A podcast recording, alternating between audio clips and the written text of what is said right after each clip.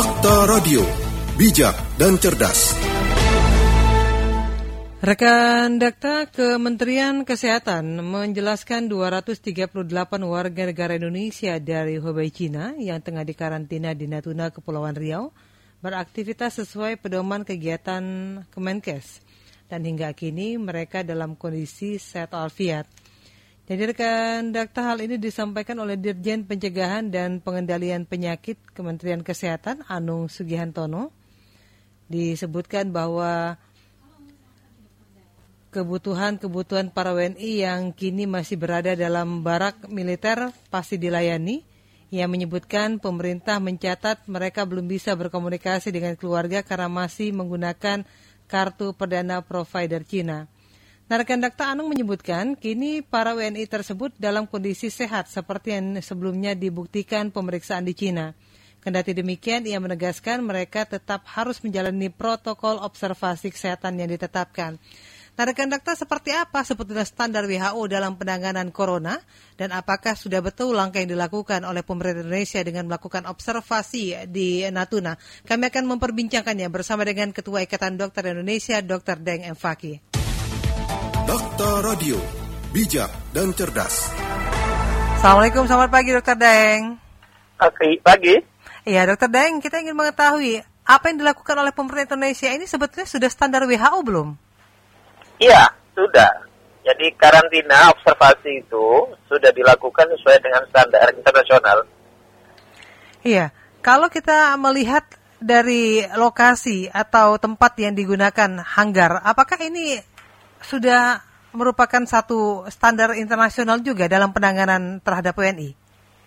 Ya, jadi sebenarnya bukan tempatnya, fasilitas di tempat itu yang disediakan, misalnya terpisah dari masyarakat, kemudian uh, di dalam itu tidak tidak terhubung keluar, itu yang perlu diperhatikan. Kemudian proses-proses yang dilakukan seperti observasi, kalau ada yang terindikasi, terindikasi sakit dilakukan isolasi, itulah yang yang menjadi standar internasional dikerjakan, bukan bukan bentuk tempatnya ya, hmm. karena bisa jadi kemudian misalnya di dibuat uh, kayak rumah sakit lapangan tuh bisa juga seperti itu.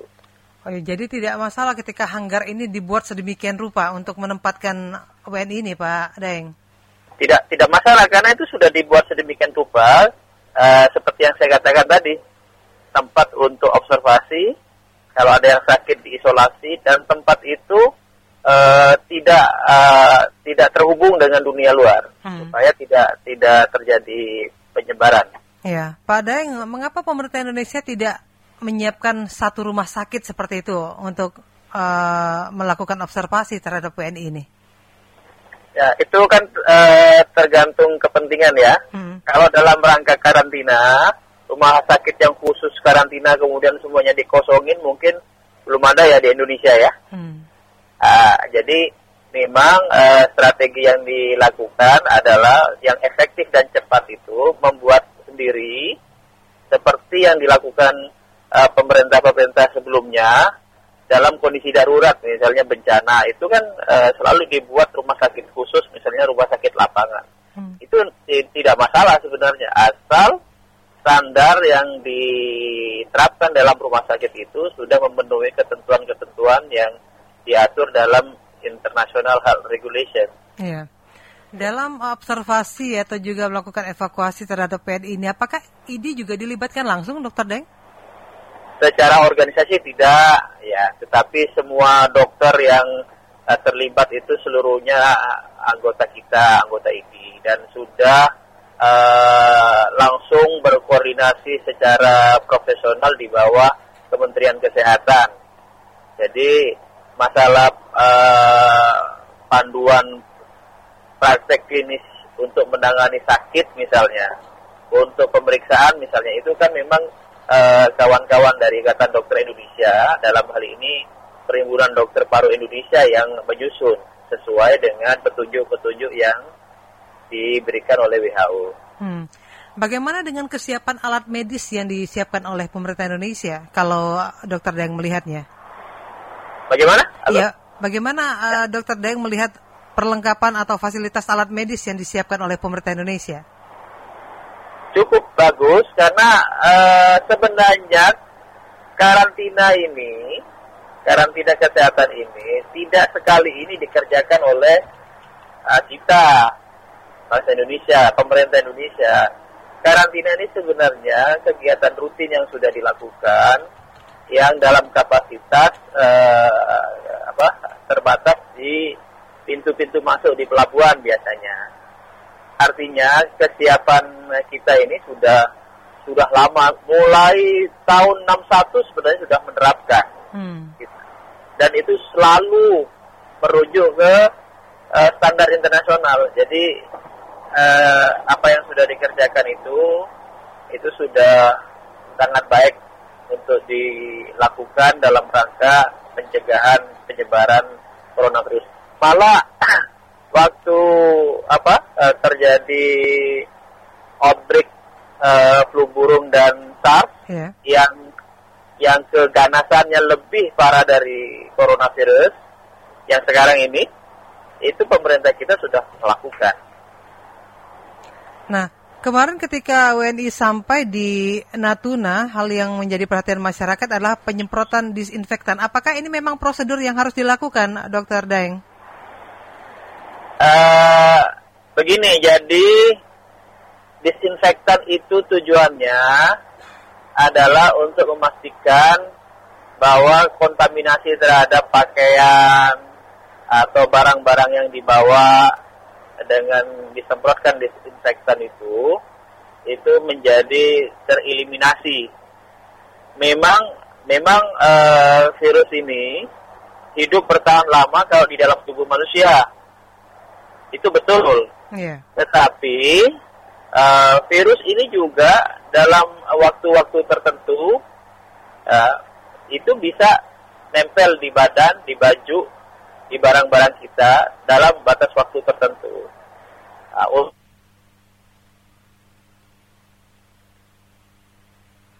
dan baik untuk dilakukan disinfektan kepada barang-barang yang kira-kira dikhawatirkan terjadi kontaminasi.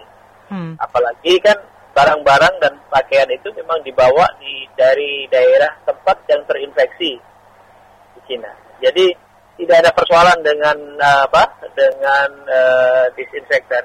Mungkin yang dikritisi orang dikira mungkin yang dilakukan oleh pemerintah Indonesia hanya disinfektan di badan di luar, padahal tidak seperti itu. Setelah di, di, di disinfektan kan uh, saudara-saudara kita yang datang itu kan dimasukkan ke tempat untuk diobservasi kan.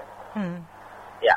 Iya, Dokter Daeng, mengapa butuh waktu dua pekan untuk melakukan observasi ini? Apa saja sih sebetulnya yang dibutuhkan dalam penanganan virus corona ini? Sebenarnya begini, penentuan uh, karantina uh, dalam hal ini diobservasi itu kan sesuai dengan waktu masa inkubasi dari virus ini. Inkubasi itu maksudnya begitu virus pertama kali menginfeksi itu untuk muncul gejala menjadi penyakit itu ada waktunya. Uh, untuk coronavirus ini waktunya dua hari sampai dua minggu atau sampai 14 hari. Artinya kalau ada orang yang terinfeksi virus ini, maka sakit gejala sakitnya itu akan muncul di dua hari, di hari ketiga, hari keempat, sampai hari ke 14 atau hari ke dua minggu. Nah, kalau tidak muncul dalam batas waktu inkubasi itu, itu dinyatakan clear dia tidak terinfeksi dan itu sesuai dengan ketetapan WHO. Iya. Apa yang menjadi perhatian masyarakat dengan uh, virus corona ini, Dokter Deng? Mungkin ada pesan yang ingin disampaikan oleh Ikatan Dokter Indonesia juga. Uh, begini, yang penting kalau virus uh, apa penyebaran penyakit baik virus maupun kuman yang lain yang masih baru, itu jelas kalau masih baru obat belum ada, vaksin belum ada, maka langkah yang paling baik dan paling bijak itu adalah mencegah supaya tidak tertular, ya. Mencegah supaya tidak tertular. Yang pertama memang tidak boleh datang ke tempat yang sudah ada kasus infeksi. Dan alhamdulillah pemerintah kita sudah menutup jalur ke Cina dan menutup uh, dari Cina ke Indonesia. Yeah. Yang kedua, karena karena ini sudah ditetapkan oleh WHO sebagai kegawat daruratan uh, kesehatan masyarakat atau uh, Public Health Emergency of International Concern, maka uh, disarankan ke masyarakat kalau ada di tempat-tempat umum yang memungkinkan gampang penularan penyakit apa pun ya, e, tidak tidak hanya coronavirus ini, maka sebaiknya e, memakai masker untuk menutup e, yang kira-kira menjadi tempat apa e, penularan seperti hidung, mulut. Yang kedua, yang kemudian e, masyarakat sekarang lebih memperhatikan perilaku hidup bersih dan sehat, terutama yang berkaitan dengan uh, kebiasaan mencuci tangan, karena tangan biasanya banyak dipakai aktivitas yang itu menyebabkan penularan, misalnya untuk makan, untuk menggosok mata, menggosok hidung, atau colek mata, colek hidung begitu. Yeah. Iya. Uh, kalau itu uh, kebetulan tangan kita kotor, ter terkontaminasi itu menjadi jalan untuk penularan. Makanya sebaiknya rajin-rajinlah menjaga kebersihan badan kita, terutama tangan. Yang terakhir, eh, masyarakat eh, sebaiknya menjaga kondisi tubuh tetap sehat, tetap bugar, agar daya tahan tubuh atau imunitas tubuh itu menjadi baik. Kalau daya tahan tubuh kita menjadi baik, itu menjadi bekal bagi kita melawan infeksi apa pun. Hmm. Dan kita akan lebih tahan, lebih kuat menghadapi infeksi. Dokter Daeng, ada pendengar kami, Pak Fahmi ingin bergabung pagi ini, bisa? Silakan. Iya, Pak Fahmi, Assalamualaikum. Waalaikumsalam warahmatullahi wabarakatuh. Silakan kita dengan Dokter Daeng, Ketua. Iya, selamat pagi Pak Dokter. Wah, ini selamat kalau pagi, dari, dari sosialisasi ya. pada ini menunjukkan ya. Nah, jadi alangkah baiknya sosialisasi seperti ini itu dilakukan sejak awal-awal. Nah, jadi masyarakat itu tidak cemas. Ini tidak bisa dipungkiri. Masa masyarakat Indonesia juga itu semakin cemas gitu. Dengan berita apalagi banyak yang meninggal gitu kan. Ini ini serius sekali. nah, masalah disinfektan itu ada ada dua perlakuan yang berbeda kalau kalau kita lihat di uh, media cetak dan media elektronik, TV, sos sosmed apalagi ketika kedatangan turis-turis itu ke tempat kita di bandara itu dan itu bahkan di Padang itu ada ada penyambutan nggak ada semprot-semprot itu itu bagaimana itu pak hmm. itu masyarakat jadi ngerasa was-was ini yeah. apakah virus ini uh, nempelnya sama TKW doang sementara penduduk sekitar Cina yang keluar dari negaranya itu tidak di, di disinfektan lagi gitu ini saya nggak tahu bagaimana nih apa untuk menenangkan masyarakat tentang hal ini. Nah. Itu yang, yang, yang pertama. Yang kedua, sosialisasi itu mestinya sejak awal. Jadi sebelum menggana seperti ini, jadi wah seperti negara-negara lain itu responsif sekali tuh. Begitu ini langsung uh, memberikan sosialisasi buat masyarakatnya, uh, pembelajaran buat masyarakat, edukasi buat masyarakatnya, kemudian memblok secara secara masif itu apa uh, masuknya orang-orang uh, Cina ke uh, dalam negerinya. Saya rasa itu yang perlu dilakukan oleh pemerintah. Ini mohon penjelasan apakah perbeda, uh, perlakuan perbedaan perbedaan perlakuan dari turis dan PKW yang pulang kampung itu itu bagaimana itu? Baik. Mohon penjelasan. Terima kasih Pak Fahmi. Waalaikumsalam warahmatullahi wabarakatuh. Silakan Dokter Deng.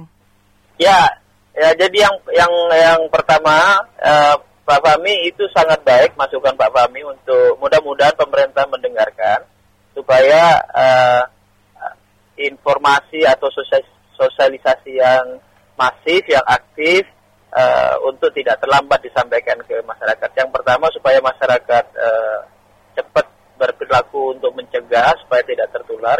Yang kedua memang uh, supaya tidak panik.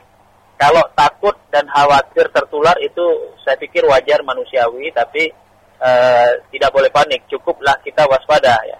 Tapi itu memang betul Pak Fahmi, mudah-mudahan didengarkan oleh pemerintah bahwa sosialisasi dan uh, pemberitahuan yang uh, apa masif dan jelas kepada masyarakat itu memang penting untuk dilakukan di awal. Uh, tetapi untuk uh, masalah hal-hal yang baru seperti ini, kadang-kadang kita uh, apa ya uh, berita itu uh, datang mendadak ya uh, atas pengumuman di Cina waktu itu, sehingga memang pemberitahuannya juga juga mendadak, tidak bisa di awal-awal uh, untuk uh, warga negara yang pernah masuk ke dari Cina ke Indonesia sebelum uh, yang evakuasi kemarin sebenarnya di semua pintu masuk pemerintah sudah uh, menaruh alat uh, thermal detector untuk memeriksa seluruh yang uh, melalui pintu masuk negara. Uh, yang perlu dipahami oleh uh, kita semua bahwa memang uh, thermal detector itu berfungsi untuk mendeteksi adanya panas. Jadi kalau ada orang sakit terinfeksi kemudian muncul gejala panas itu akan terdeteksi. Kalau terdeteksi maka pemerintah akan langsung uh, merawat di rumah sakit khusus yang sudah disiapkan. Nah, yang menjadi masalah memang bagi uh, masyarakat yang masuk tanpa disertai panas. Apakah yang uh, disertai ya, tidak disertai panas itu pasti tidak sakit? Memang belum tentu. Memang belum tentu karena yang uh, yang tidak panas mungkin waktu melewati apa thermal detector, itu hmm. ya tidak tidak apa tidak muncul gejala sakitnya. Oleh karena itu memang kesiapsiagaan itu perlu didorong lebih lanjut di tengah-tengah masyarakat. Kita uh, punya banyak puskesmas di setiap kecamatan. Uh, saya rasa kawan-kawan puskesmas di bawah itu sudah mulai bergerak untuk melakukan deteksi atau pelacakan kalau ada kasus. Dan buktinya kalau memang ada keluhan seperti itu, yeah. biasanya dikirim langsung ke rumah sakit uh, tertentu di apa yang sudah disiapkan. Saya dengar seribu rumah sakit dan beberapa daerah sudah ini sudah sudah melakukan, melakukan itu. Ya. Ah, seperti kabar di Jakarta, Baik. kemudian di Cirebon, di Bandung, di Jambi, di Manado, di Bali. Tetapi alhamdulillah setelah di cross check lebih lanjut, ternyata sampai sekarang tidak ada yang terkonfirmasi uh, positif. Nah, se seluruhnya masih dinyatakan negatif uh, terinfeksi oleh coronavirus. Oh, baik, Dan kalau mau meniru beberapa negara yang lain, termasuk negara maju seperti Amerika, uh, memang kita harus uh, upaya kita, strategi kita itu menjaga agar potensi penularan uh, coronavirus yang di Indonesia ini termasuk lemah potensi penularannya. Dan alhamdulillah kita masih nol angkanya itu memang uh, strateginya terus dijaga potensi ini supaya tetap uh, rendah dan lemah. Baik. Dokter Deng, terima kasih waktunya sudah berbincang bersama Dakta pagi ini. Baik, baik. Assalamualaikum warahmatullahi wabarakatuh. Waalaikumsalam warahmatullahi Dokter Radio, bijak dan cerdas. Ketua Ikatan Dokter Indonesia, Dr. Deng M. Fakih. Oase Iman.